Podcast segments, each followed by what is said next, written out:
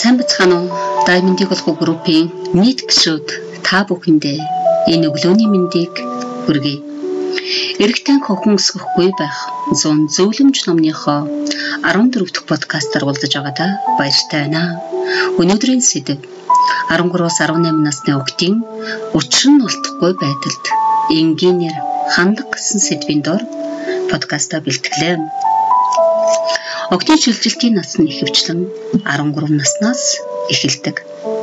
13-аас 18 наснд хүүхдийн бие махбод төдийгүй сэтгэл зүй, зан ааш зэрэгт маш том өөрчлөлтүүд гардаг. Энэ үед охид илүү үзэсгэлэнтэй, эмэгтэйлэг, дүр төрхтэй болох төдийгүй ааш зан нь эрс өөрчлөгддөг. Учир нь шилжилтийн нас нь огцом өөрчлөлтийн үе шат юм аа. Нэгэн жишээ гэлж өгье. Илан гэдэг маш дуулууртай эцэг эхийн үгийг нарийн сайн дагдаг охин байлаа. Гэтэл шилжилтийн насанд хүрээд тэр маш их өөрчлөгдсөн. Ээж нь ямар ч үг хэлсэн чихнийхээ хажуугаар өнгөрүүлэн өөрийн дураар аашилдаг болсон. Ээж нь үнийг бодогдсон толгой нь их хөвдөж сэтгэлээр унсан. Гэмт өхн нь өмнө хөөсөө эсрэг үйлдэлүүд хийж эхлэхэд эцэг эхийн дотор харанхуулж сандрах нь тодорхой шүү дээ. Яахаараа хүүхэд нь гинт ингэж өөрчлөгддөг вүлээ? Эцэг их нь хүүхэдтэй санаа зовж эхлэх төдийгүй яавал хүүхэдтэйгээ урдийн адил сайн ойлголцож чадхаа мэдэхгүй самбарддаг. Энэ үед өөрийн шилжилтийн насыг эргэн санах нь зөв аргуудын нэг юм аа. Тэр үед бид ч бас санаа зовх зүйл ихтэй сэтгэл хөдлөлч их байсан төдийгүй үргэлжил эцэг их минь биднийг ойлгохгүй байна гэж бодолтой байдаг байсан. Зөвхөн найзуудтайгаа нууцаа хуваалцсан ярилцах нь их байсан шүү дээ. Өөрийн шилжилтийн насыг эргэн бодож үзэх нь хүүхдээ илүү ойлгох боломжийг олгодог. Октийн эсэргүүцлийг зөвөөр харж тохирох арга хэмжээ аваарай. Октоо шилжилтийн насанд хүрээд өгөнд орохгүй байна хэмээн боддог эцэгчүүд зөнгүй байдаг.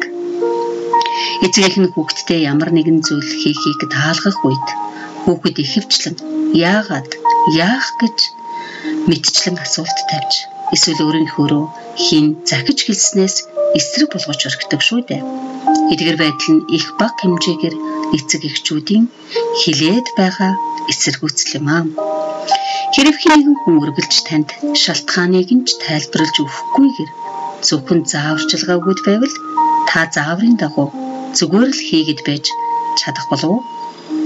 Ямар ч насанд хүрсэн хүн шалтгаангүйгээр хэн нэгэн таны хийж байгаа ажилд хүнлэнгөөс оролцож хошуу нэмэрлээд байвал мэдээж дургүй байна шүү дээ. Охинтой нь яг л ийм байдал байна гэсэн үг юм аа. Өөрөөр хэлбэл огны эсэргүүцэл нь яалтчгүй үүсэж байгаа хэрэг. Хүүхэд болчир баг болчир байхдаа эцэг эхийн үгэнд шууд итгэж хүлээж авдаг байсан бол шилжилтийн насандаа өөрийн бодлоор хийх дуртай болдог шүү дээ. Гэтэл энэ насанд эцэг их охиноо үргэлжлүүлэн яг л утсан хүүхэлдээ шиг хянаж үгэнд тань дугуулгууртаа орсоор байхыг хүсвэл хүүхдийнхээ эсэргүүцэлтэй яах чаргагүй тулах болно. Энэ үл шилжилтийн насныхны эсэргүүцэл үзүүлдэг бодит шалтгаан юм аа. Эндээс үзэхэд хүүхэд таны итгэлийг алдаад байгаа хэрэг биш. Та өөрөө хүмүүжлийн арга өөрчлөх шаардлагатай гэсэн үг юм аа.